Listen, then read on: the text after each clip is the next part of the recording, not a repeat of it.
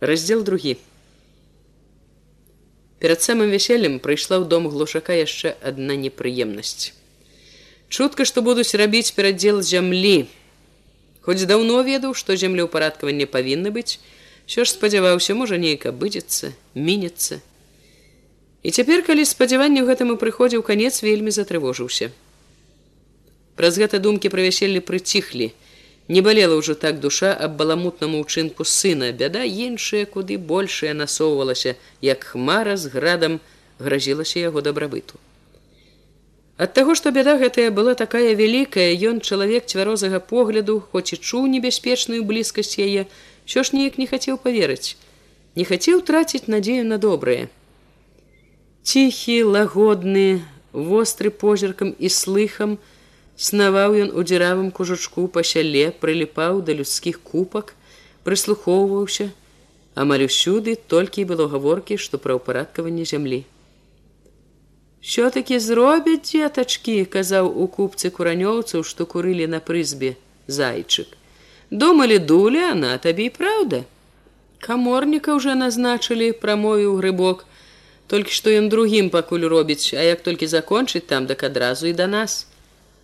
Дык можа, пакуль ён там убярэцца тым часам тут і снег уже ляжа. Меканор тое ж казаў, але апейка так сказаць аўтарытетно заявіў скора умяшаўся Андрэй руды. Вы наказаў куранёўская грамадзяны толькі ўпраўцеся падрыхтавацца, а яго следовательно не зачакаецеся. Апейка так перапытаў дзятліку Васіль апейка. Апейка цана копейка дурачліва уставіў зайчык, але ніхто не засмяяўся. Хоня з павагай сказаў: « Тут не тое, што копейкі, але рубля мало. А якая тут падрыхтоўка трэба, не так запытаў іх запярэчыў Васіль. Чого тут рыхтавацца? А таго ахвотнай павучальна адгукнуўся руды Андрей. Стары глушак, бачачы, з якой важнасцю сабраўся руды тлумачыць, подумаў са злосцю хлебам не кармі пустабрэха дай яму слова ўтыркнуць стары насцярожыўся здагадка подказала пачуе нешта непрыемнае а таго тут такое дело абы як наўкасяк не зробіш народ увесь закранае яно следовательно з навучным падыходам зрабіць трэба чтоб камар носу не падтачыў. Найперш перапісаць трэ ўсіх колькі ў каго зямлі, колькі душы, рабочых і дзяцей, потым узяць на ўлік усю агулам зямлю і ўсіх людзей і так сказать паглядзець, колькі ў каго народ прыпадае. Са ўсіх бакоў праверыць памог рудому грыбок. Са ўсіх, хто са ўсіх бакоў, да толькі ж зямля не ва ўсіх адзінакавыя, накінуўся на іх Васіль. Е то правільна згадзіўся ігнат, каго зямля нібыто зямля у каго такі пясок што ніякі чорт і расці не хоча. Трэба чтобы яны разабраліся якая дзе зямля. Аге без падману. Разбяруцца запэўніў хоня. Разбяруцца. Як прыедзе каморнік дык яму і заслепіць вочы гарэлкай сказаў Васіль. Алёша губаты паспрабаваў супакоіць. Меканор сам правяраць будзе. Трэба кеб меканор таго меканора каморнік сорок разоў абкруціць вакол пальца. Такога грамацея як меканор не абкруціць. Ляснік міці які прыблукаў сюды са сваёй заўсёднай стрэльбай засмяяўся. Яшчэ дзельба не пачалася а ўжо гатовы загрудкі ўчапіцца. От добра табе адзін у лесе як цар пазайздросціў грыбок. А жыву не плачу.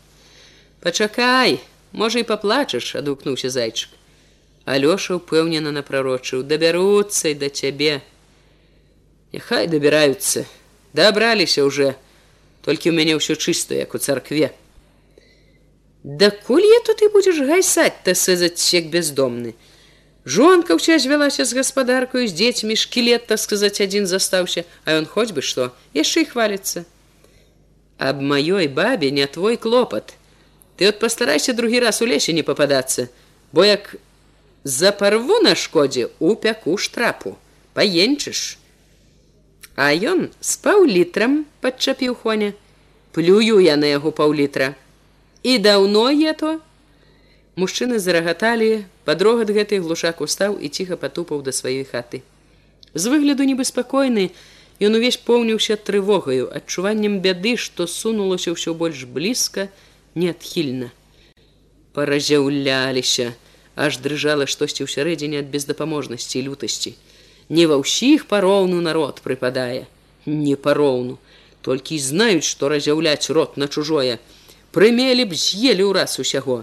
З'елі б, дай крычалі яшчэ, не пароўну, не пароўну галадранцы вашывыя. Трасцы вам, а не зямлі саранчане нажэрныя.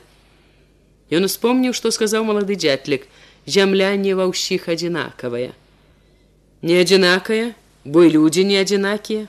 Адзін гнецца дзень пры дні абрабляе кожную лапінку, а другі вырежваецца да і хоча, кеп дабро было, а потым раз'яўляецца, што зямля не адзінакая. Злосць была на ўсіх, усе чуў гатовы накінуцца, расцягаць яго зямлю. Але асабліва кіпела ўсярэдзіне, калі ўспамінаў дзятліка, які ўсё пачаў: ты купіў яе, урабіў я ту зямлю, што ўчапіцца хочаш, у дот ты смярдзючы. Такое малое, такое заўластае. Шчэ і мог і той на барадзе расці, мабыць, не хоча, а яно вон куды сягае. Ці даўно здаецца, як рыба нямы туліўся пад маслаковым абрэзам, Нябось і рота разявіць тады баяўся. Дыхаць і то можа не асмельваўся не тое, каб падумаць што-небудзь насуперак. Забыў, пасмялеў, як пабілі маслака, і все пасмялелі. Хіба ж бывала наважыўся б, хто разявіць так рот на чужое, На яго глушаковыя жылі ціха, по-божаму жылі, баяліся. Цяпер жа грыбок і той галаву падымаць стаў. А гэты руды пустабрэх, балбоча смела бы які юравіцкі камісар. Стары глушак пашкадаваў э, кеп быў цяпер маслак жывы, кеп чулі яго дух з лесу. Увесь дзень стары нездаволена бурчаў сам сабе, крычаў на спалоханую жонку на дзяцей. Бяды давялося чакаць нядоўга. Ужо на другі дзень склікалі сход і выбралі камісію, якая павінна была праверыць нанова, ці правільна запісаны ў спісах сем'і колькасць працаздольных дзяцей, а таксама колькі ў кожнай гаспадарцы запісана зямлі. Гэтай камісіі даручылі ўсю зямлю абмерыць, дзе б яна не была заарана, на агародзе, у полі ці на якой-небудзь паляне, аб усім наказалі далажыць на наступным сходзе. А поўдні камісія ўвалілася ў хату глушакоў. Дзядзькі На лапцях уцяглі з вуліцы ў хату ліпучай чорнай гразі, але толькі глушачыха заікнулася буркнуць, як глушак грозна абарваў яе. Лагодна запрасіў няпрошаных гасцей сесці на канапу, падсунуў табурет. Ніхто не сеў, нават лічыў жа сваяк чарнушка, які няёмка туліўся ззаду ўсіх каля дзвярэй. Нельга сказаць, каб вельмі смела трымаліся некаторыя іншыя. Затое меканор, які ўвайшоў першы і стаяў наперадзе, паводзіў сябе так быццам быў у сваёй хаце. У вас усё правільно запісано, сказаў ён строга бязлітаснымі блакітнымі вачыма гледзячы на глушака. А што там запісано? Глушак меканор павёў парэпаным пальцам па паперы, нібы не помніў. Едакоў семера, якія это у вас семера едакоў? семера семера е калі запісана то значыць е я куліна жонка значыць сын яўхім сцяпан дачка антося. Якая антося? Якая дачка? Адна у мяне дачка антося. Так яна ж уже замужам. Замужам жа не лічыцца? Чаму я то не лічыцца? Як усё адно ўжо і не моя была ж дасюль моя глушак не тоечы крыўды нават знарок паказваючы прасіпеў адну аддаў а другая о тот прыйдзе ў хату. Глушак кінуў на чарнушку які ціха адгукнуўся змовены былі. А спіскі дзядзько улавіў глушак у коневым голасе кпінку. Складваліся яшчэ ўвесну як это вы загадзя вымеркавалі? Меканор зірнуў строга. Ну няхай. Пять уже е а дзе яшчэ два? Шостая каза уже антося глушак ледь стрымліваў лютасць як бы яна уже одно і не дзіця маё як бы не я уже выгадаваў яе Ён жаласна заморгаў вачыма, ледзь не заплакаў, уздыхнуў. А астатні Іван, Іван не ваш, Іван парабак. Мне бацька яго, зноў цвёрда загаварыў глушак, прыпаручыў як сына. Значыць, ён мне ўсё адно як сын. Што сцяпан, што ён, адзінакія дзеці, памагла глушачыха. Вы цётка не кажыце, Меканор заявіў як канчатковыя. Івана не сакрэт мы запішам за парабка. Які ж ён от то бо парабак? А мо ён не робіць на вас, каго вы абдурыць хочаце? Я не абдурваю, А як ён корміцца пры мне, то і робіць нейкую драбніцу, як і ўсе дзеці, робіць на вас, на чужога чалавека, значыцца парабак. Міканор не даў сказаць глушаку: « А вы знаете, які закон аб парабках? Глушака прорвала. Да калі вы гаворыце, што ён парабак, то мне яго не трэба. Няхай хоць сёння бяжыць дадому, сам абыдуся. Дык тады павінны разлічыцца за ўсе дні, што ён рабіў на вас по закону, А я уже разлічыўся. А можа, не са ўсім зноў кальнуў хоня. Са ўсім шэй лішне, глушак забедаваў. Колькі я скарміў на яго да колькі паперавёз яго бацьку ў мокуць то ён і палавіны не зарабіў. Нічога дядьку мы не сакрэт усё праверым і зробім по закону меканор строга запытаў. А зямля правільно у вас запісана? Зямля? Зямля уласць надзяляла уласць і записывала сказаў абыякова а сам падумаў са злосцю з трывогай от яна бяда вы на ўладу не ківайце вы скажите праму а я і кажу. Налогу налічылі процьму дыхнуць няма як копейку ніколі не агорыш на корт які ужо збяднелі не ўтрываў хоня. Я не збяднеў кепот байчэйшы быў так да начальства падаўся б дабіўся б няхай бы знялі хоць частку па справядлівасці далі. Значыцца вся зямля запісана. Ну што ты ей бо прыліп як ліст? Уся уся. Была б ще там зямля як зямля што столькі крыўду цераз яе. Ой дядько грэх вам жалувацца. Кеб ва ўсіх была такая. У другіх была б лепей чтоб другія гнуліся на ёй столькі ні дня ні ночы не бачачы это ж людской крывоты здаецца што мне лепшае попалася з зайздрасці людское вока крывотлівая А ўсё-таки вы дядька глушак так і не сказали прама ўсё ці не ўсё записано. Сказаў уже. Значыць усё усё мы проверым проверяйте. Глушак пачырванеў ад злосці але ўсё ж утрымаўся перамог сябе нават нагнаў на твар лагоднасць. От бо недаверлівыя сталі ўсе. Хоць яно сказаць так і трэба верыць цяперашнім часам асабліва нельга. Усялякого цяпер напладзілася, ну дай сказаць выбраныя людзі, камісія, А я стары вінавата пакруціў галавою, папракнуў сябе. Гнілы пень, так расщепеўся, да яшчэ перад сваім сватам і меканор сказаць першы раз у хату глянуў. Глушак затупаў каля стола.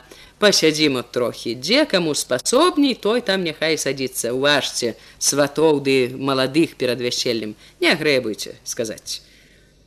Ён хацеў ужо бегчы па пачастуна калі меканор не пахісна заявіў не трэба не час час меканорка самы час. Вяселле скора змовіны згулялі пакаштуй што мы тут гасцям рыхтуем замітусілася глушачыха і ўсе няхай пакаштуюць будешь потом мяркуючы знаць ісці ці не ісці к нам у госці глушак заўважыў некаторыя дзядзькі былі не супроць таго каб пасядзець пажвавеў а часу заўсягды будзе мала ўправіцесь яшчэ клопат не воўк воўк не воўк няма калі дзядзько дык жа дзеля вяселля дзеля маладых шануючы свата майго выбранага ў камісію все одно Не сказаўшы і слова глушаку на развітанне, меканор скамандаваў усім пайшлі і сам першы рашуча затупаў чаравікамі ў сенцы. Чарнушка, які ад самага прыходу ліп да дзвярэй, прапусціў усіх, памуліўся хвіліну ніякава, мнучы ў руках шапку, вінавата падаў руку. Ну і мне тым часам трэба. Калі ён выйшаў услед за меканорам, глушак стаў тупаць у кутку, корпацца ў прыпеку, але рабіў усё без ладу, без мэты. Перастаўляш месца на месца кідаў, сам не ведаў, што робіць у грудях кіпелі крыўдай лютая злосць на дамецікавага смаркача, што ўзяў сабе сілу, на ўсіх, якія памагалі яму на тое, што гнуўся перад імі як парабак, на бездапаможнасць сваю перад імі.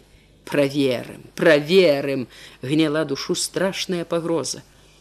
Жонка, што збірала са стола неўшанаваны пачастунак, ці то пашкадавала, ці то папракнула, Трэ было зразу пасадзіць, як увайшлі. Глушак кінуў з раздражненнем, зразу ці не зразу адзін чорт. Як узялі б гарэлкі чарку ды сальца, дык памякчэлі б, будь не можа. Памякчэлі б, і это зараза памякчэе. Ну ўсё ж такі людзі і дамецікаў еты чалавек. Знайшла чалавека. Глушак не мог больш трываць, крыкнуў лютай, не ўтыкай носа, куды не трэба. Тут здарылася такое, чаго глушак ніяк не чакаў далікатны няхай сабе няўдалы няздатны да гаспадаркі але ж ціхі паслухмяны сын сцяпан які пакуль не пайшлі нязваныя госці не абазваўся і адным словам неспадзявана ускочыў ад акна стаў каля маткі загадаў старому не крычыце! Глушак заморгаў вачыма. Что не крычыце кажу на матку паўтарыў ціха строга сцяпан. Ты ето мне? Ты мне указ? Самі вінаватыя дык не спаганяйце на других я вінаваты я! І ты ето бацьку а калі праўда? Праўда глушак наліўся крывёю. Маўчы шчаня! Няхай шчаня А толькі трэба вам тая зямля, што пад лесам, ўсё мало, ўсё мало. Ты знаеш, колькі мне трэба зямлі. Ды калі б не тая зямля, Калі б бацько не паперарываў на ёй жылы, ты б даўно з голаду апух. Хваціла б і без яе, А калі ўжо прыбралі сабе, дак няхай бы прызналіся, што не ўся запісана. Сцяпан зачапіў балючае. Що адно знойдуць, глушак затросся ад гневу замаўчы вож гніда можете як ахвота зваць а толькі глушак не ўтрываў не помнічы сябе ад шаленства што напоўніла ўсяго гарачай лютасцю даў сыну па твары той не вырухнуўся слова не сказаў толькі штосьці нядобрае непрымірымае ўспыхнула ў незнаёмым дарослым і самастойным позірку. Але глушак не хацеў бачыць гэтага шалёная злосць, лютасць на сына, што асмеліўся пярэчыць, папракаць, вучыць яго, нясцерпна праглі патолі. Гніда, смаркач, вывучыўся, вывучыўся на бацька ў хлеб, вывучыўся ды падзякуваў. Чорта, хваціць гной будзеш вазіць скаціну даглядаць, мо трохі паменшае розуму ніякія пагрозы нібы не даходзілі да сцяпана. Ён не толькі не паўніц, але і выгляду не падаў, што шкадуе аб тым, што адразу страціў. Глушаку не давялося спазнаць палёгкі. Гневу не было патолі. За парабка будзеш рабіць. Ён паедзе дадому, а ты за яго гной вазіць, свіней карміць. Глушак стары яшчэ доўга сіпаў, гразіўся злосна снуючы скутка ў куток аж пакуль не ахрып не знямогся зусім тады зваліўся на калені узняў дробны бледны твар з пакутнымі вачыма насустрач богу што глядзеў з залочанага абраза. З надзеяй замыляў сухімі губамі зашаптаў. Але пасля малення спакою на душы не было. Дзе б не хадзіў што б не рабіў помніў ні на міг не забываў. Там на яго полі ходзяць мераюць. Як гаспадары топчуць яго поле яго добро распараджаюцца не пытаючыся Злосць пякла асабліва, калі ўспамінаў сутычку з сынам, маўклівую постаць жонкі, якая слова не сказала гэтаму смаркачу. Калі вячэралі Яўхім сказаў: перамералі ўсё наше. Хай ім на тым свеце засіпеў стары глушак, але не дакончыў, пільна зірнуў на Яўхіма. Гаварыў з кім, з цесцем з чарнушкам, тры дзесяціны найшлі, кажа, няўпісаныя найшлі як ляжала зямля век вечны без карысці дык ахвоты не было нікому да яе як узяў абрабіў абсеяў дык ну што выражуць цяпер? Выражуць? Да і мабыць не тры дзесяціны ўсе пять пять е то чаму? Калі там усяго тры было. Ну і без таго найшлі лішак у нас быў лішак лішак усё лішак мой сам я уже лішак што б ім на тым свеце на гарачым вуголлі. Злосць змянялася крыўдаю лютасць кволасцю тады чуў сябе няшчасным адзінокім бездапаможным ледзь утрымліваўся каб не паскардзіцца. Ды перад кім было кволіцца перад дурною старою? Перад гэтым смаркачом які стаяў супроць бацькі пасля вячэры калі сцяпан падаўся гуляць а старая выйшла ў хлеў сказаў яўхіму паразяўляліся кеп прымелі з'елі б. З'есці не з'ядзяць спакойна з разважнасцю прамовіў яўхім а кавалак сцягна мабуць уварвуць. Жывое рвуць калыкамі бога ім няма!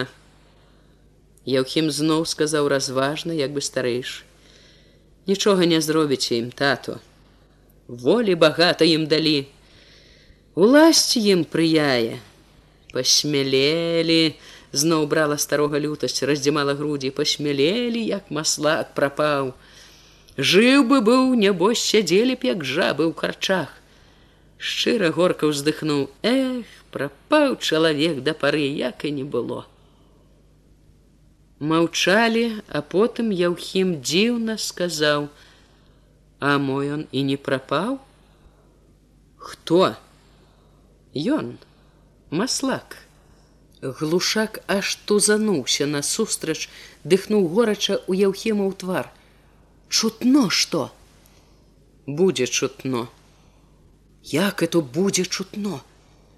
А так возьме ды зноў появіцца дак ето няправда глушак быў так расчараваны што гатоў быў завзлаваць а як няправда дак што? Не было праўды дак няправда паможа абы памагла. Разумна гаворыць.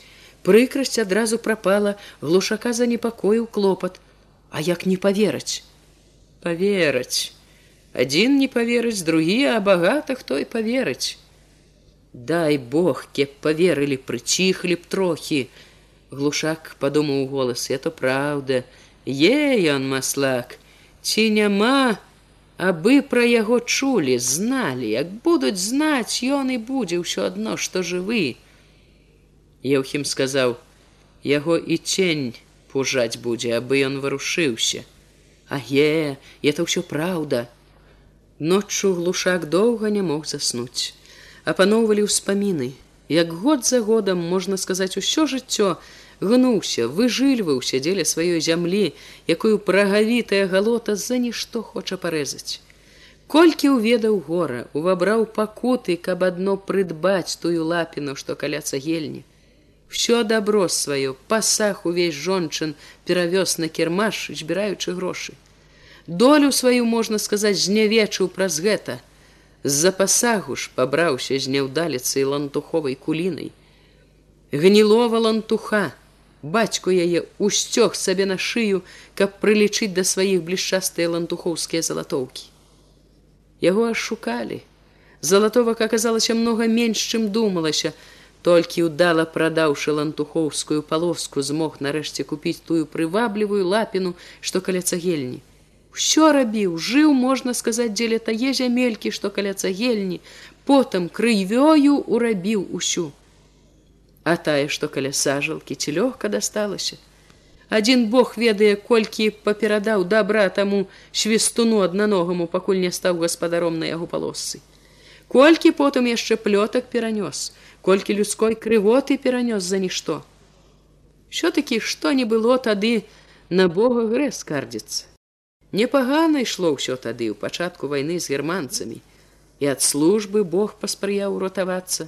Правая рука не служыла, як мае быць, але пэўна не паглядзелі б на яе, каб няўдалы кадоўчык масла доктару.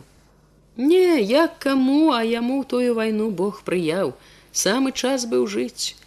У другіх не ўпраўка, а яму ўдача сама ў рукі ішла. Неўзабаве пасля таго, як прылучыў зямельку ад аднаногага, прыдбаў яшчэ трохі ў дзятлікавай удавы.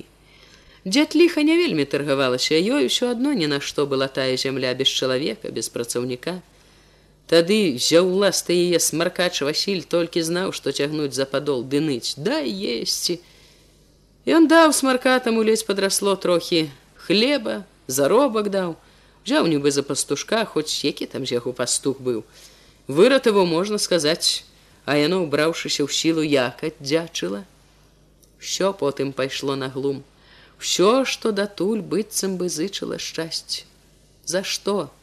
За якія грахі ўсемагутны Божа пусціў на зямлю гэтую страшную кару навалу, пошыць гэтую рэвалюцыю, якая ўсё перакруціла, пераблытала, дала волю рознай галадранай ненажэры. Як і не было, прапаў цвёрды грунт з-пад ног, знікла трываласць у жыцці. То бойся, як бы пасля пана ашалелыя на цябе не накінуліся, як бы не ўчапіліся клыкамі, то бойся немцы прыблуды, то дурня паляка асцерагайся.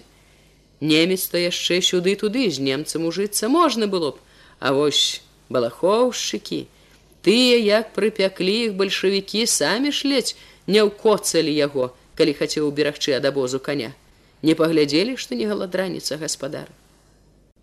Зямля под нагамі была як дрыгва, вагалася, гатова была кожны момант прорвацца, праглынуць яго разам з усім добром. Набачыўшыся ўсяго ўсякага, натрошшыся ўжо не вельмі давяраўся, калі стала патрохі аціхаць і наладжвацца. Але год ад году ішло раўней, і дыхнуць ужо лягчэй можна было, стаў зноў, здаецца, папраўляцца, убірацца ў сілу, весялей глядзець навокал, як на табе, На якое зло Божа гэтая беда новы перадзел зямлі. Зноў успомніўся прыход камісіі, як трымаўся і што гаварыў меканор і злосць закіпела гарачэй. Зямлю набываць не смей. Нават да той, якая ляжыць без ужытку, под хмызняком і травою і то не датыкайся, бо лішак будзе, бо ў другіх меней, бо другім галечы гуляшчый вочы коле. Мала таго, што да зямлі дакшэй да парабка прычапіцца трэба. Парабка ім шкода. Парабку плаці як пану, А можа і рабіць за яго за парабка загадаюць. Всё вочы коле. Ва ўсё ўлезці гатовы з капытамі, небы не ты, а яны на тваім двары, на тваёй зямлі, гаспадары валадары, галадранцы вашывыя. Асаблівы ж гэта зараза васпаватая дамецікаў прыблуда. Без яго мой ціха было б дык неш прынесла заразу прыпёрла гада падкалоднага каб яму на тым і на гэтым свеце як гадзюцы на ражне круціцца. Думкі аб зямлі аб меканору мяшаліся з думкамі пра сыноў пра жонку. І тады зноў ажывалі крыўда і гнеў на сцяпана. Даўно прыкмеціў што надзеі вялікай на малодшага меч не трэба нязграбны няўдалы да гаспадаркі але думаў цешыў сябе што можа навукай карысны будзе. Аж вось табе. Дачакаўся карысці. Вывучыўся сынок няма чаго сказаць. Выадукаваўся. На бацьку гарчыць. І то падумаць. Вельмі трэба было верыць цяперашнім настаўнікам якія адно на бальшавікоў стараюцца і з богам не лічыцца трэба было спадзявацца што яны чаму добраму вывучаць.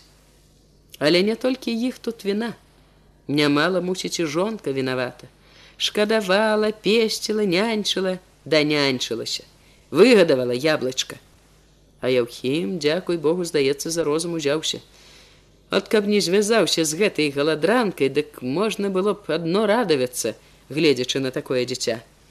Але можа і так яшчэ выправіцца. Можа, гэта хвароба любоў не высушыць усе мазгі. Глушак падумаў, што хвароба любоў перадалася сыну не інакш ад маткі. У той з моладу і пазней у галаве многа глупства ўсякага вадзілася.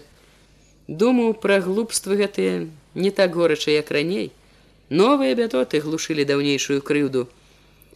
Да таго ж адгаворкі з Яўхімам у гэты вечар была ў душы нейкая прасветлена. Яўхім адзін разумеў яго, адзін быў надзейны супольнік. З маслаком е то непагана прыдумано. Як прыстрашыць добра, дык мо ўся круцельня васпаватого і сыдзе на нішто. А злосць на меканора ўсё ж не спадала, паліла не ўціх на гад. Ну і гад, і ўсе гады галеча ненажэрная. Яўхім так спрытна пусціў чутку, што пад поўдзень у каранях Не было такога чалавека, які б не ведаў, што маслак жывы і дужы аб'явіўся зноў і што ў любы зручны момант можа апынуцца тварам у твар. Ведалі ў куранях, што маслак зноў не адзін, а з бандаю, аб сілі якой хадзілі самыя розныя чуткі.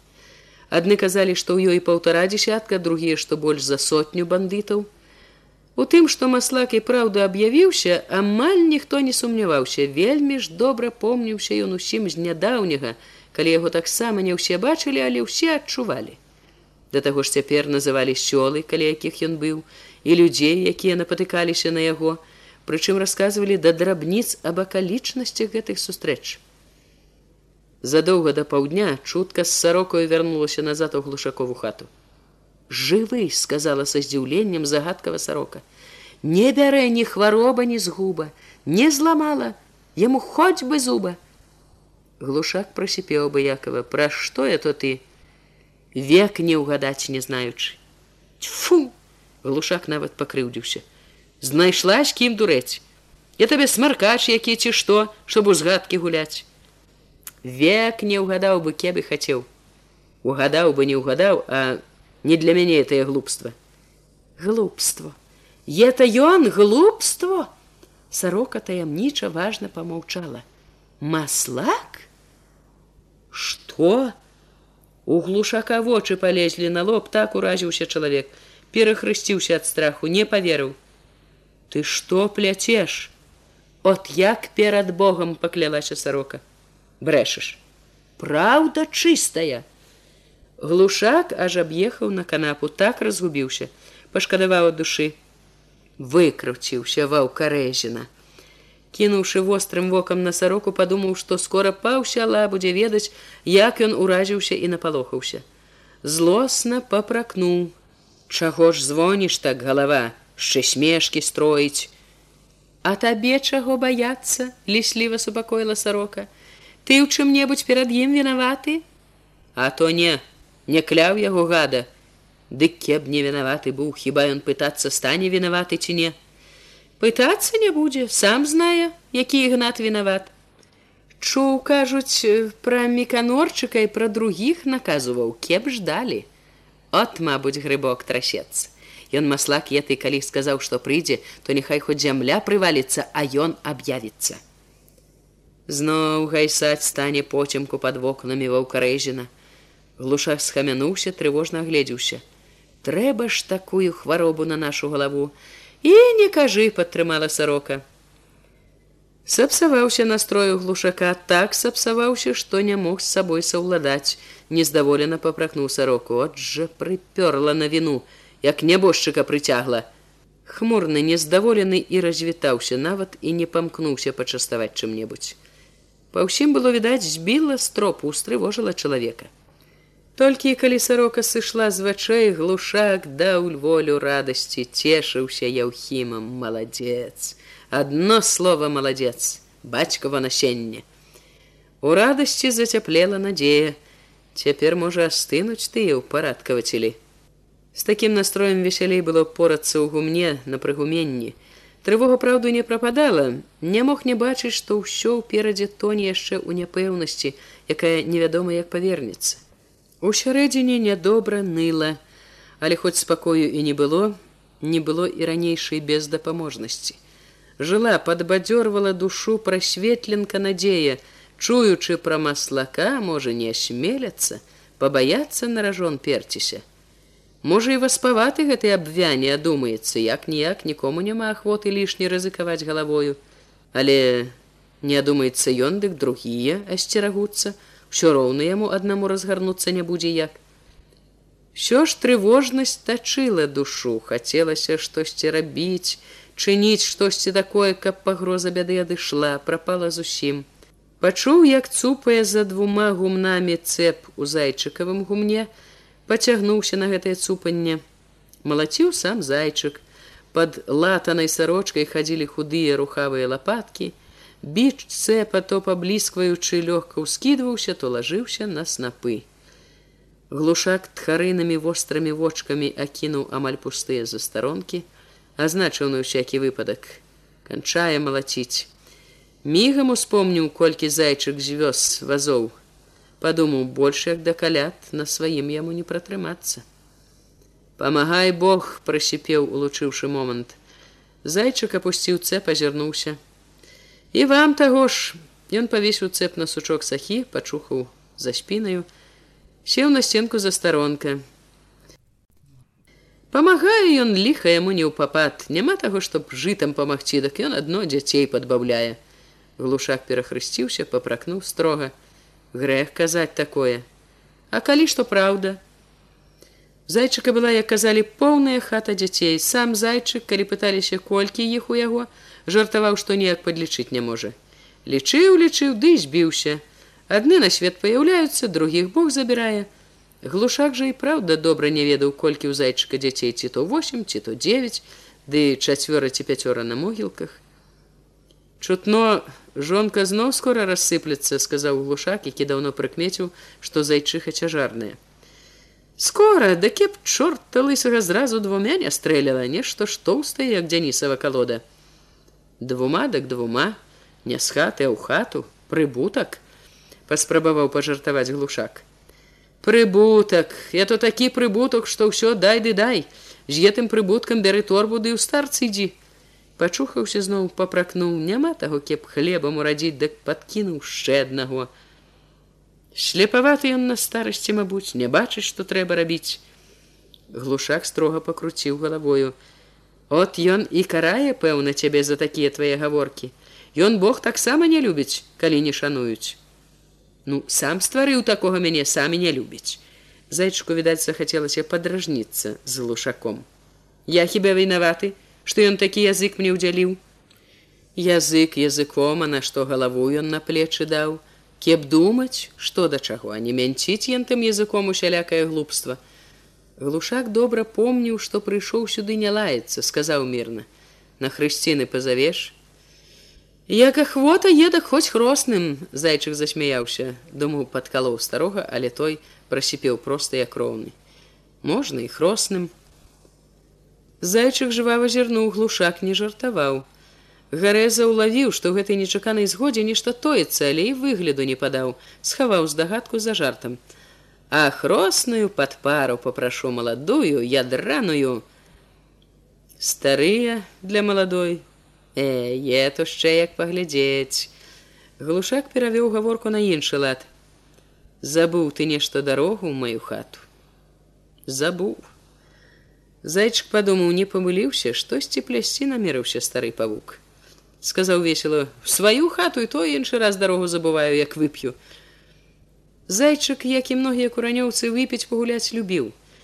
Глушак весела ўлад зайчыку попрасіў: заходь, пасядзім, сказаць, пагамонім. Дык можна і пагаманіць, калі будзе на што паглядзець. Ды можа, выкапаю якую слязіну.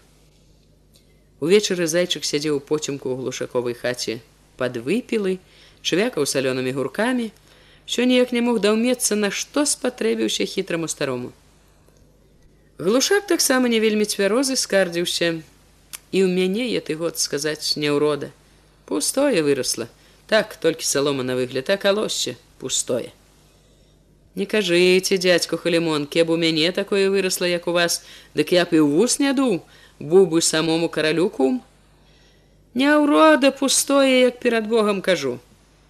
Глушак падсунуўся бліжэй да зайчыка паклаў руку на плячо яму але калі на тое і ты иван сказаць не вельмі бядуй калі што якое чым-небудзь паддзяржу Ну і не знаю, як вам і дзякуваць за вашу ласку.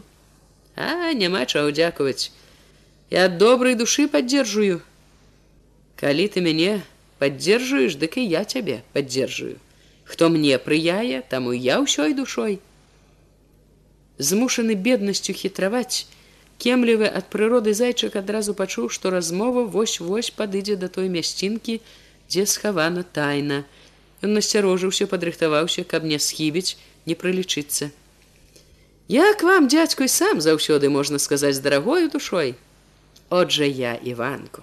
От калі на тое хоць цяпер возьми кавалкі два сала, ке борщ ці булён, які закрасіць, а то ж, мабыць, няма ўжо свайго. Ды дзе там закалоў вясной парася з кацяня ростам, дык і агледзецца не ўправіўся.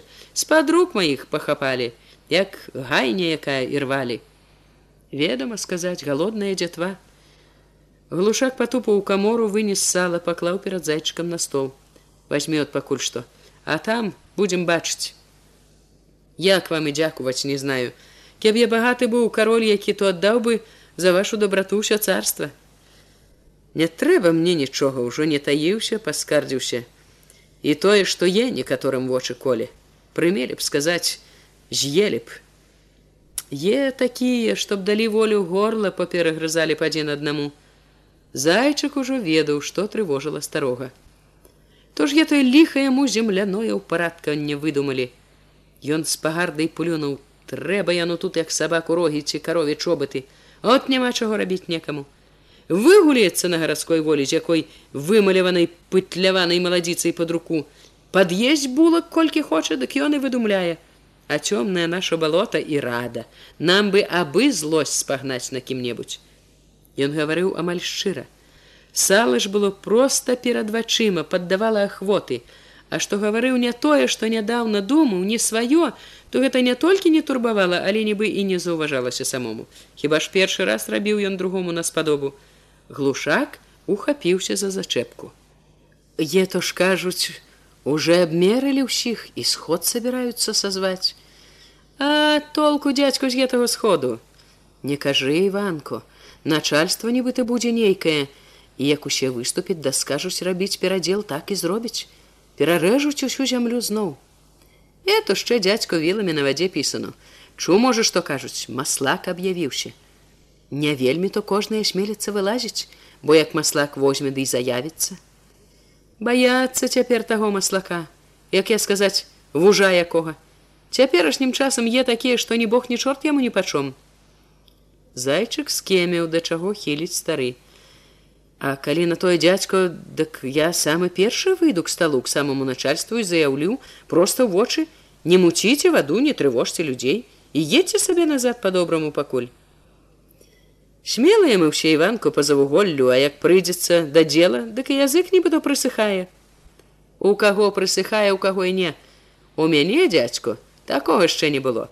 А не тое што крываротаму каму хочаш не пабаюся праўду ўрэзаць. По тым як ахмялелы гарачы зайчык гаварыў было відно не попусту хваліцца не пабаіцца не перад кім. Але глушак не поверыў наліваючы чарку сказаў як хвальку дай бог чутае пабачыць зайчык загарэўся яшчэ больш а і ўбачыце калі на тое пайшло ён рашуча перакуліў чарку Калі зайчык, трымаючы пад пахай загорнутыя ў латку сала, зачапіўшыся плячом за слуп, выбраўся са двара, глушак яшчэ доўга не лажыўся спаць. Чуючы, як і яго трохі водзіць ад гарэлкі, стаў перад абразамі, глядзеў у цёмны кут, шаптаў малітвы. Шэпт яго не ў час перабіла сабачае выццё. Ён пазнаў, што вые сляпы, падумаў, што мусіць пачуў ваўкоў на балоце. Сабака выў амаль без упынку, і глушак збіваўся. Выццё спляталася з малітвай наганяла сум. Гэты сум застаўся і пасля малітвы калі накінуўшы кажушок выцягнуўся на холад к свірну.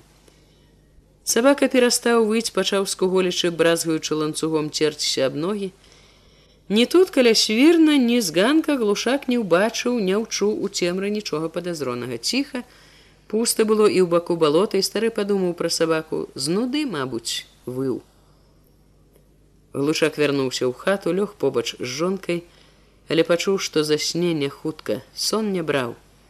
Было клопатна. А тут яшчэ ў цемры на двары зноў цягучы, як па нябожчыку завыў сабака, як шалеў воўк карэзіна. Пад гэтае выццё і ішлі, круціліся ў неспакойнай глушаковай галаве думкі. Хоць і верыў, што зайчык можа спраўдзіць абяцанне, трывога ўсё ж не адыходзіла. Небагата толку ад той зайчыкавай падмогі.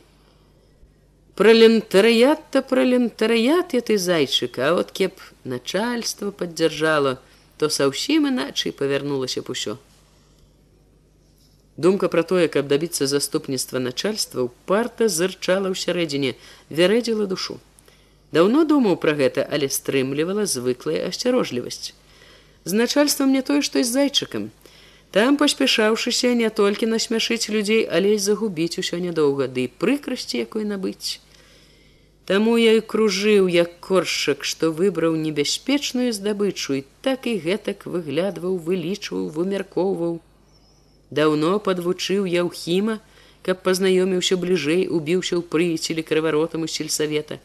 Сам можна сказаць амаль што ў лесу кампанію.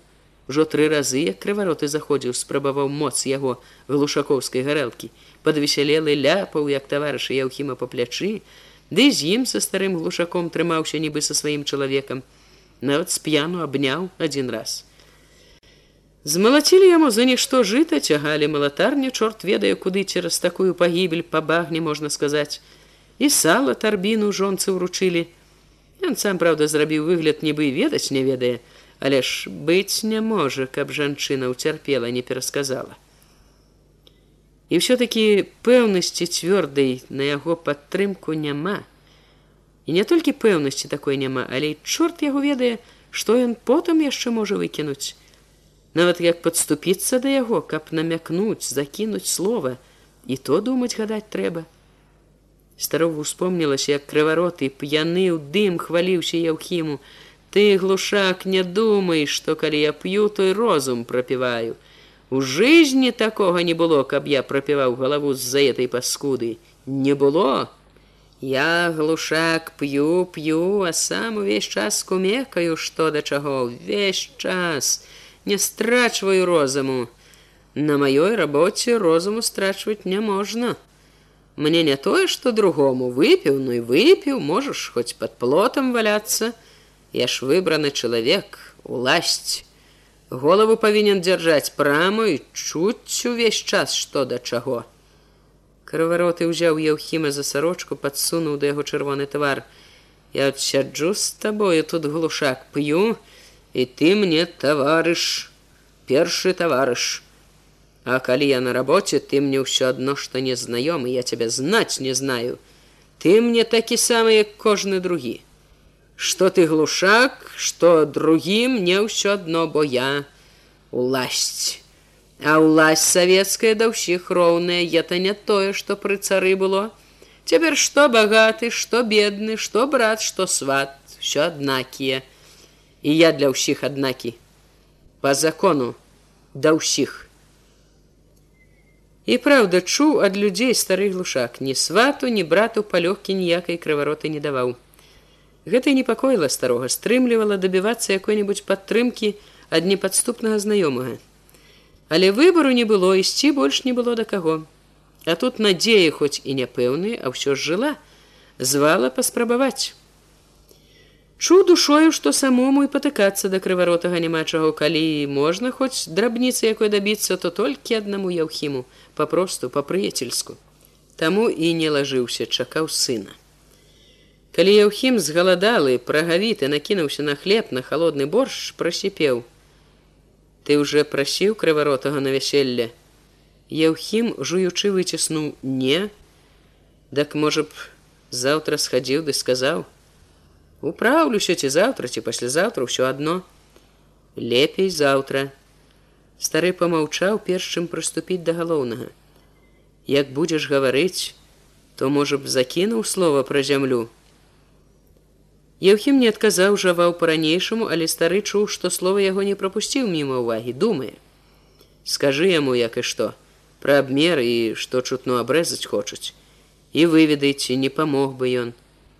Чорта лысага даб'ешся ад яго ну ўсё адно попробовать трэба а то ж ад етай васпаватай заразы ратунку ніякого. З'есці як маўчаць будзем Усяго не з'есць укусіць можа укусіць ну а там падавіцца можа і з'есці ў гэтага зубы здаровыя зяпа шырокая абламаць можна калі вельмі яшчэрацца не вельмі ты абломіш не на тое ідзе. Абломім запэўніў яўхім і старому трохі палягчэла на душы. Хоць ведаў цану сынавым словам як бы паверыў ухапіўся за падмогу. А ты ўсё-таки схадзі да етаго сказаў напаследак залазячы под коўдру. Схаджу як і абяцаў глушак малодшы на другі дзень выправіўся ў сельсавет. Стары ледзь дачакаўся калі ён вернецца што б не рабіў думкі кружылі каля яўхіма то няпэўна недаверліва спадзяваўся то ўвесь аддаваўся неспакою ну што кінуў яўхіму ледзь той ступіў на двор прыйдзе сказаў Па тым, як прамовіў сын, як нядобра павёў позіркам, стараючыся не сустракацца з яго вачыма, стары глушак усё зразумеў. Але такая вялікая неаддольная была трывога за зямлю, што не вытрымаў. Што пра абрэзку? Нічога. Ну ўсё-ткі сказаў што-небудзь. сказаў: Што? Што трэба, тое і зробім. І пасля на вяселле прысунецца. Прыйдзе, попрасілі ж попросілі стары корч мацюкнуўся даўно глушак не чуў сябе так пагана як у той вечар калі выпраўляўся на сход ад перадзелі зямлі мусіць лепш спакойней для душы было б не ісці на сход каб не мець лішняй прыкрасці. Але як ты не пойдзеш калі нікаго іншага а цябе самога рэзаць павінны. А можа трэба будзе сказаць што-небудзь заступіцца за сябе абараніцца. Хоць радасці, якой чакаць на сходзе не прыходзіцца, а ўсё-ткі калі ты будзеш перад вачыма ўсіх, то пэўна, не такія смелыя будуць, не так будуць плясці языкамі. Калі туліцца ў хаце сваёй будзеш дрыжаць чаго добрага і зусім утапіць могуць. Хочаш, не хочаш, а ісці трэба. Глушак перахрысціўся, усцёг лаплены кажушок, насунуў пабітую моллю старую шапку, На крысе кажуха заўважыў закарэлыя белыя языкі картаплянай мешаніны для свіней, але сціраць не стаў ні ў царкву, ні ў госці збіраецца. Ды і то падумаць цяпер такія знакі ў пашане як дакумент, што свой чалавек не гуляшчы. З картаплянымі языкамі на кажусе з трухой на каўняры на шапцы патупаў пастарэчы з хаты. Так вымеркаваў выйсці, каб не быць на сходзе ні першым, ні апошнім. Прыпрэсся першы кінецца ўсім, што баішся, пасмялеюць, а апошні прыпаўзеш, каб позна не было, абнюхаюцца сваімі, згаворацца. Народу яшчэ з двара значу сабралася ўжо нямала. Трывога і непрыхільнасць вырухнуліся ў душы, прымусілі сціснуцца, нарыхтавацца да небяспекі. Збегліся, навастрыліся клыкамі на чужое дабро, толькі каманды чакаюць, Многа топілася куранёўцаў і ў сенцах, праўда, больш не гаспадароў, нават не хлопцаў і дзяўчат дарослых, якім сваё кубло віць недалёка, а драбязы рознай смаркатай дзятвы. Шпектакль знайшлі. Дручком бы поскуць, каб не смярдзела. У хату нашылася таксама нямала маладых, але багата было і гаспадароў.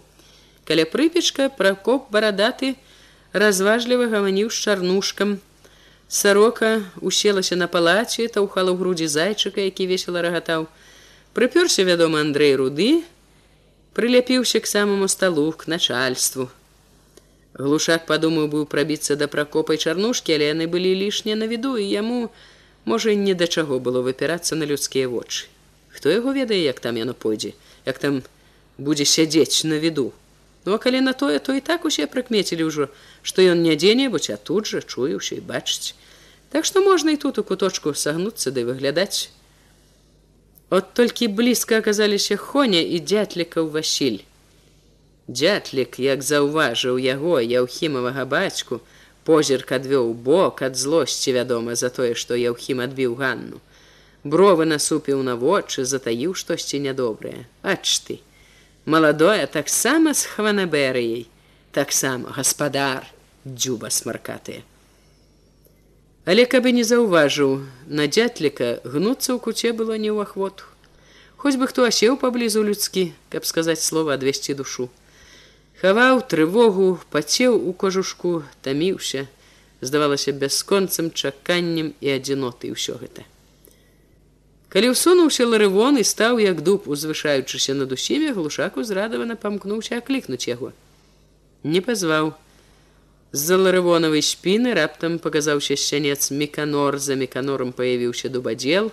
Яны абышлі ларывона, праціснуліся паўз глушака, сталі прабірацца к сталу. Глушак пачуў, што трывога яго пацяжэла. За дубадзелам праціснуліся к сталу яшчэ двое незнаёмых. Каморнікі, мабуць, падумаў стары, разглядаючы то аднаго, то другога, як бы хацеў уведаць пра свой лёс.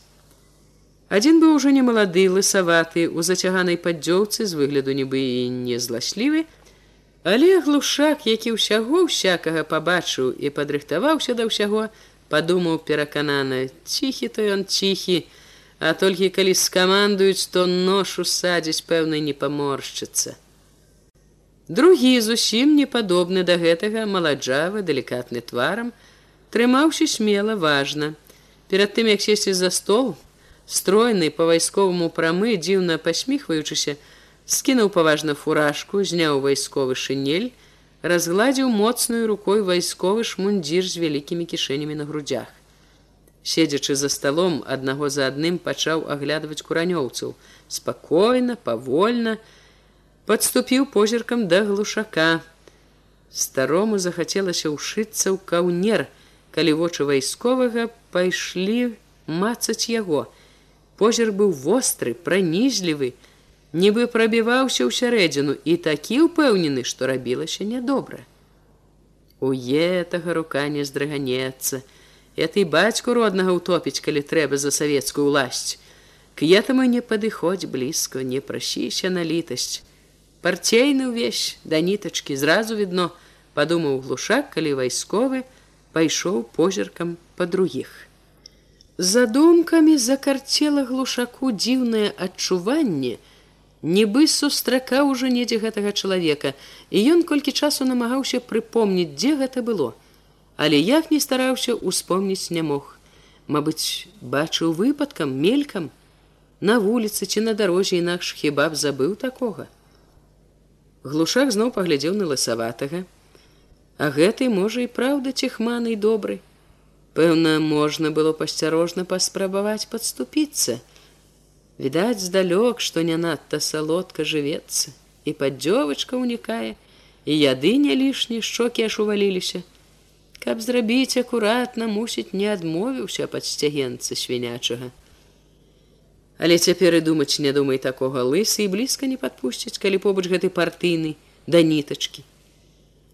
У глушака раптам з'явілася падазрэнне. А можа партыйны гэты і не каморнік зусім а які-небудзь начальнік? З гпу можа прысунуўся вынюхаць што і як. Харчава прыяцель. Разважаючы мяркуючы стары уважліва слухаў што казаў дубадзел але хоць глушак і не прапускаў ні слова багата чаго як і многія другія на сходзе ён не разумеў ці лічыў не вартым увагі. Крывароты доўга і нудна нешта гаварыў не пра справу пра палітыку. Толькі калі дубадзел перайшоў да землі ўпарадкавання стары насцярожыўся. Дубадзел аднак зноў доўга плёў пра тое, для чаго трэба было перадзельваць зямлю, якая важная гэта задача землеўпарадкавання, таміў, палохаў глушака туманам няпэўнасці. Чым больш пулёў ён, тым больш прападала ў глушака кволая надзея на тое, што можа аб мяне. Абыдзе яго гэтай бядою. Стала прыкрам лосна ў сярэдзіне, калі дубадзел абвясціў. У нас таксама камісія, якая была выбрана па ўсім законам на агульным сходзе вёскі курані, знайшла розныя факты, а именно няправільную запіс зямлі сельсавету, што прывяло ў сваю чаргу да няправільнай аплаты налогу з боку етых укрывацеляў. А хто ж такія еты укрывацелі не ўтрываў Андрей руды. Можна і назваць. Хоць выбраны старшыня этой камісіі вашай вёскі дзяцел меканор у сваім рапарце пасля мяне ўсё даложыць сам. Я то такія асобы, як чарняк пракоп, Дзяцел з метро.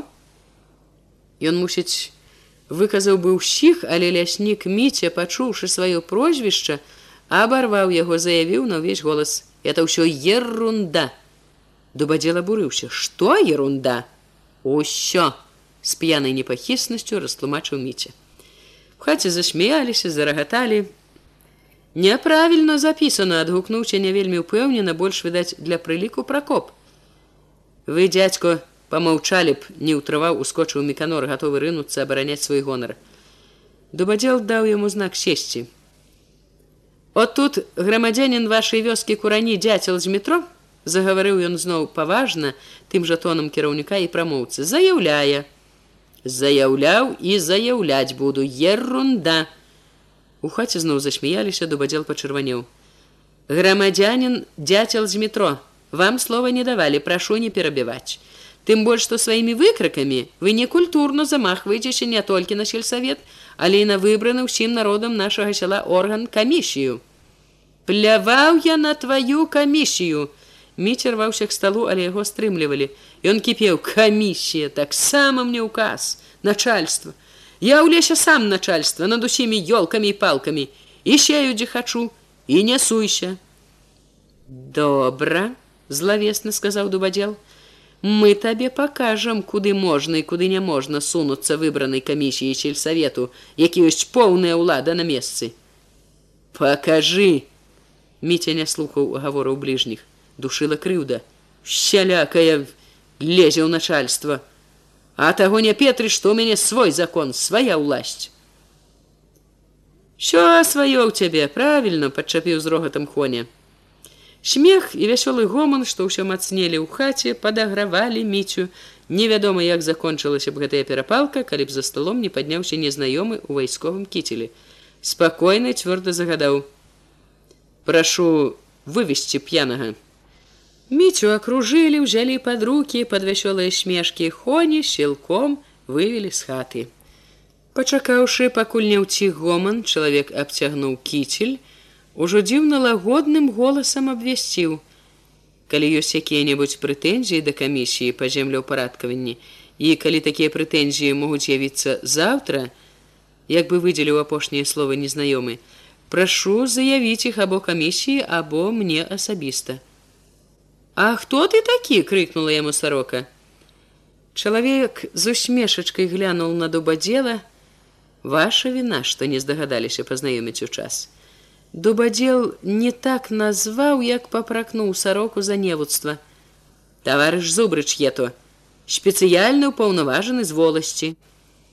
Зубрычкі ў ком галавы пацвердзіў гэта зноў загаварыў да ўсіх. Такім чынам, таварышы са ўсімі скаргамі, якія ўзнікнуць, прашу звяртацца да мяне. Мы іх не адкладваючы тут жа на месцы разам з вами праверым і вырашым, як быць далей. Зубрыч лагодна усміхнуўся. Гэтая усмешка старога глушака не толькі не супакойвала, але насцярожвала.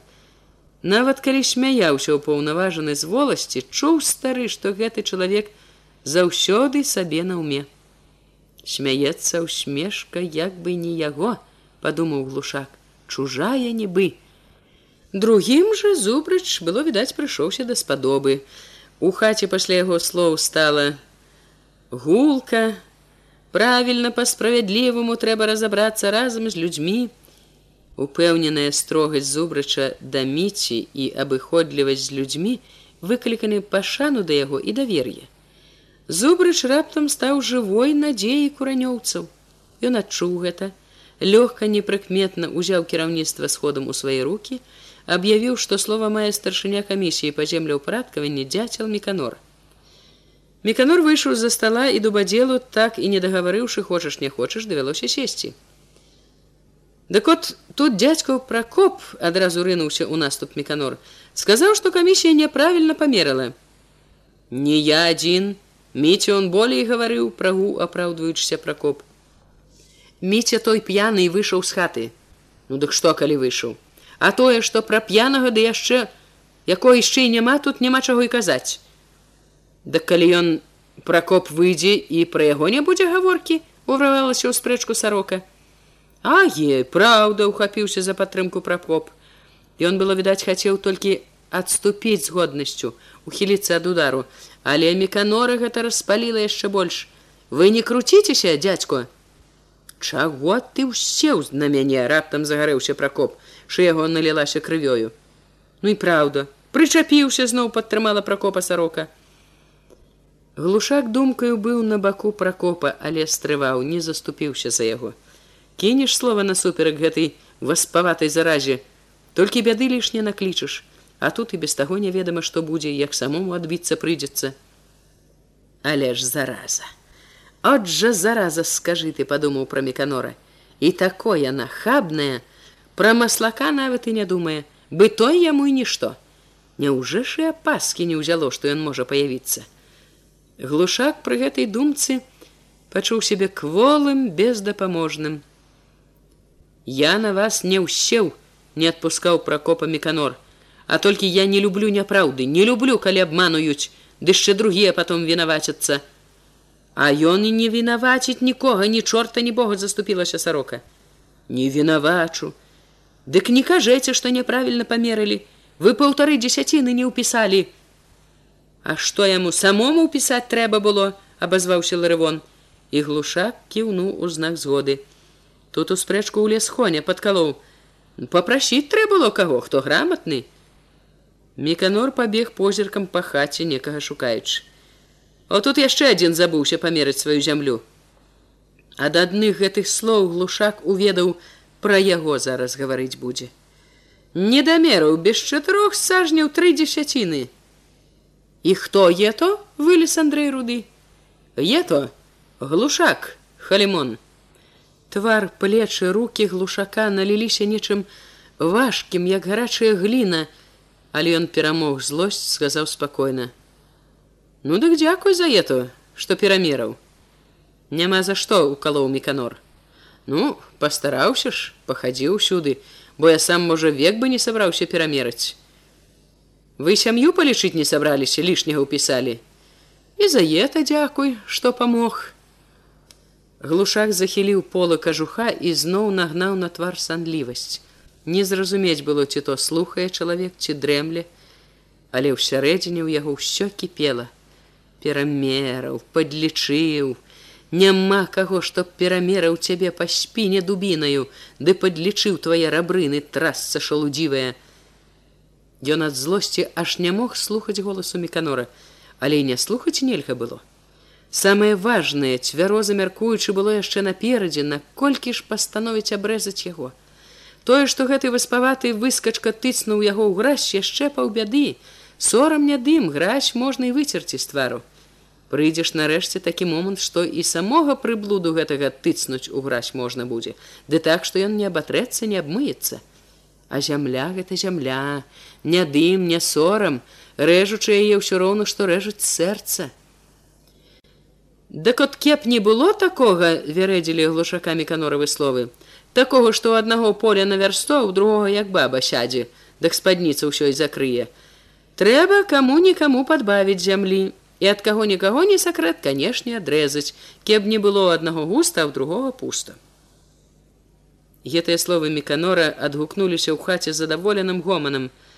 Рады чужога дабра ўварваць плойма гуляшчая.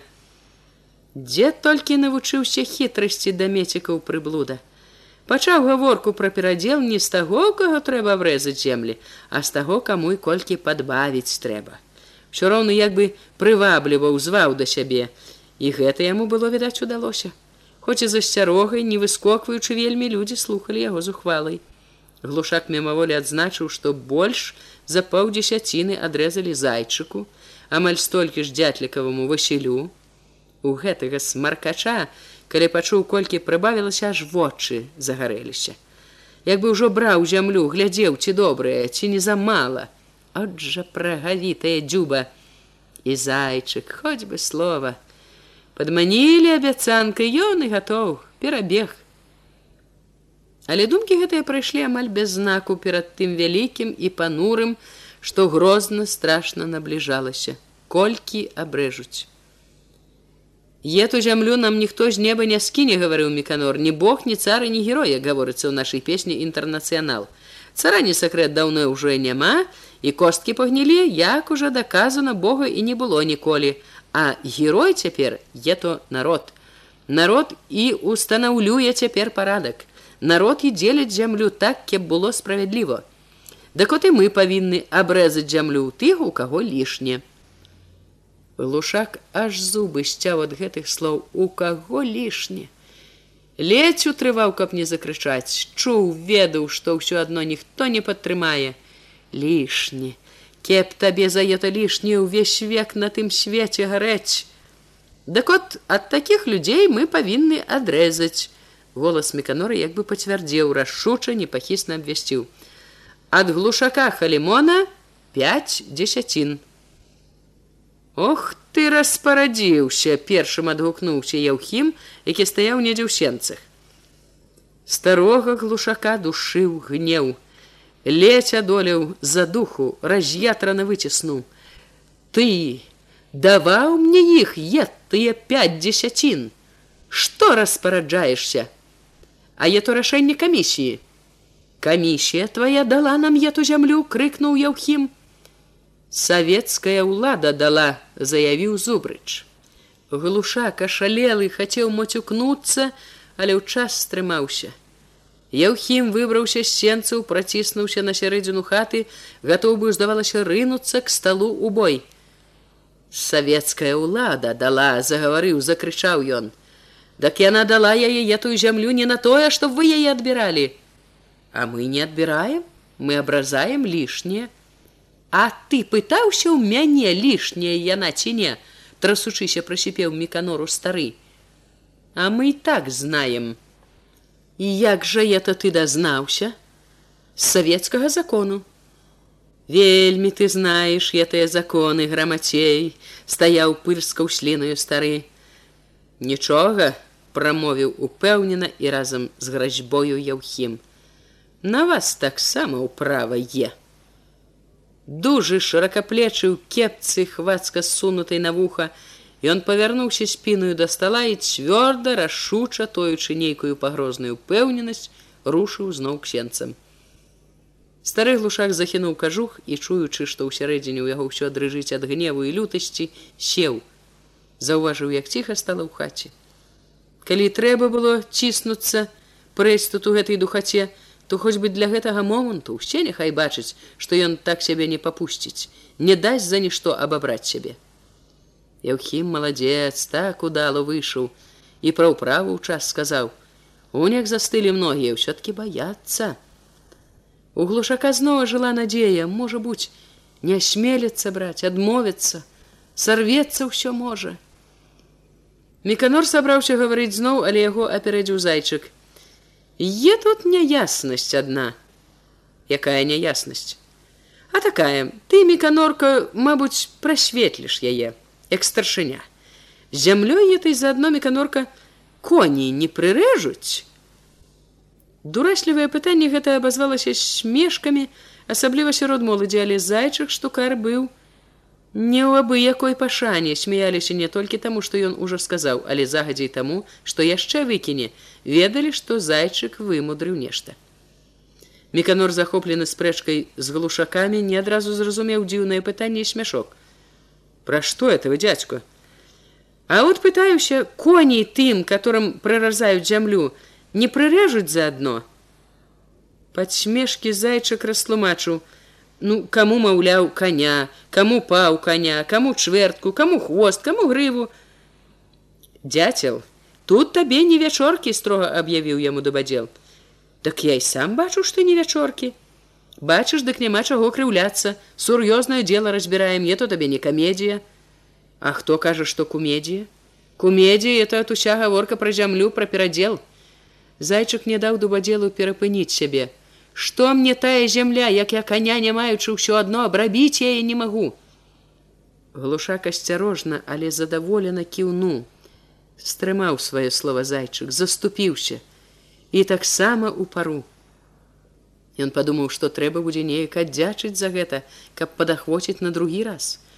Тут жа праўда азначыў сабе у тым, як сказаў зайчык чулася не так жаданне памагчы яму як боль за сваю няўдачу. Але глушак гатоў быў дараваць гэта, ўсё-ткі памог. Чым я засяваць яе буду, я ту вашу зямлю. Калі дзеці ад вясны з дубовай кары пухнуць. Светлыя зайчыкавы вочы па чарзе прабеглі па меканору дубадзелу зубрычу. Да кеп не пухлі яны зямлі трэба следовательно, павучальна адгукнуўся Андрей руды. Ето мне напамінае байку пра таго дурня, што купіў залатую як у пана міску. Сеў каля яе і думаў, што яна сама карміць будзе. Яна зямля, як карова, дасі ёй, накорміш, дык і яна табе дасць. А што мне зямля етая, калі з яе нічога? У хаце згодна загаманілі, глушак падумаў: рады былі б, кеп да зямелькі дышэй коней дадалі насення, пажадаў зларадна, трасцы вам а не коней. Падавіцеся вы этой зямлёю палыном ды лебядою абсяваючыся. Радасці, аднак не было увайшоў у душу неспакой, каб барані Бог хэўру гэтую ненажэрную на коні і на насенне яго не напусцілі. У трывозе зірнуў на зайчыка інакш з падазрэннем. Памочнік называецца адной рукой здаецца выцягвае, а другой як бы утапіць гатоў. Дядзько правільна кажа, згадзіўся з зайчыкам меканор.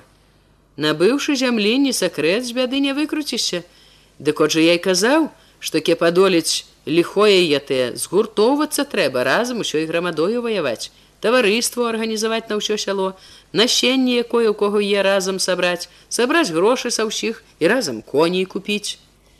Меканор гаварыў горача пераканана але слухали яго большасць людзей ці недаверліва ці нават непрыхільна. Чым больш ён гаварыў тым больш рос нездаволены гоман пачуліся воклічы зноў я тыя таварыствы. Як не надакучыць ей богу грэблю не закончылі яшчэ таварыству от скажы ты прычапілася ж да чалавека. Прыйдзе маслак ён арганізуе табе таварыства крыкнуў нехта. На тым свеце закаішся. Думка пра маслака мабыць увесь час на сходзе жыла між людзей бо пры напамінку пра бандыта все заварушыліся загаманілі толькі аб ім Меканор паспрабаваў перасіліць гамонку. Всё это з таварыствам страшно толькі таму, што яшчэ не спробовалі, А як паспробуем, пажывём, дак кеп хто хацеў, потом ад таварыства не адарваў бы. Ён апярэдзіў шум пярэчання, А што да маслака, то тут не сакрэт нечая выдумка. Сумна некаму без маслака звонкім голасам падтрымаў меканора Хоня. А жывіць захацелася, дадаў Алёша губаты. Брахня! Заявіў і дубадзел. От як заявіцца сюды пакажа брахню. Чыкацца не будзе, Чарнушка попрасіў. Няхай прадстаўнік з воласці растлумачыць пра маслака. Зубрач устаў усміхнуўся. Я проста здзіўлены тым, якую ўвагу вы аддаеце нейкаму пігмею, некаму адшчапенцу, які туляецца ў балоце. Няма нікога тут заявіў зноў дубадзел, плёткі ўсе это, што маслак жывы. Я таксама лічу, што плёткі, Ды калі б і праўда была, калі б сапраўды ён дзейнічаў тут, ніякіх падстаў для панікі для страху ўсё роўна няма. Ён адзін іх нікчэмныя адзінкі, а вас легіён, за вас уся краіна, армія, народ, ёсць каму за вас заступіцца. Заступіцца то заступяцца, Ды пакуль тая заступка прыйдзе. Ай, раней заступнікі былі. От бо перапужаліся ўсе пакпіў хоня аднаго духу маслаковаго значыць у воласці так сказаць нічога неізвестна пра эту асобу пра маслака яго атрад хацеў дабіцца яснасці руды. Я шчыра кажучы не цікавіўся гэтымі весткамі але думаю што калі б яны былі то мяне папярэдзілі б. Аднак вярнуўшыся я праверу іх і калі будзе патрэба абяцаю прыняць адпаведныя меры Пакуль вы етыя меры прымеце, дык ён спраўдзіць сваю грачбу. Сказаў накорміць зямлёй накорміць. Няўжо вы лагодна здзівіўся зубрач, настолькі напалохаліся здані нейкага маслака, што ад земля ўпарадкавання, ад таго, каб навесці парадак у карыстанні зямлёй гатовы адмовіцца.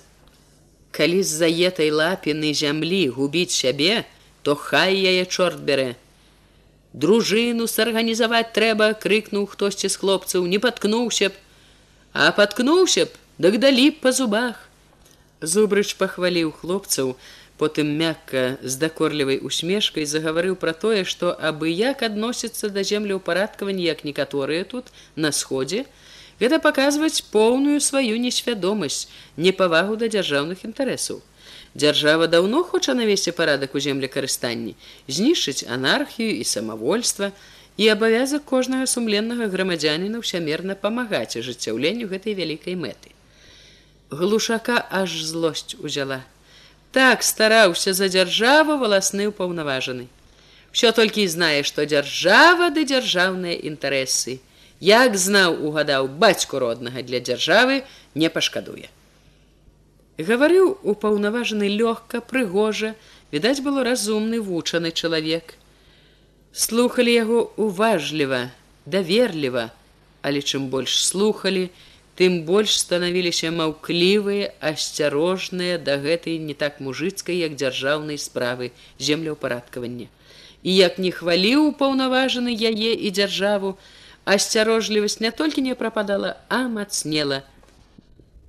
Вядома, тут былі нямала вінаватыя чуткі пра маслака, але і прыезджы, заўважыў глушак, таксама даў хібу. Перастараўся, заступаючыся за дзяржаўныя інтарэсы, як не высільваўся, не так паправіў становішча, як астудзіў, затуманіў людзей.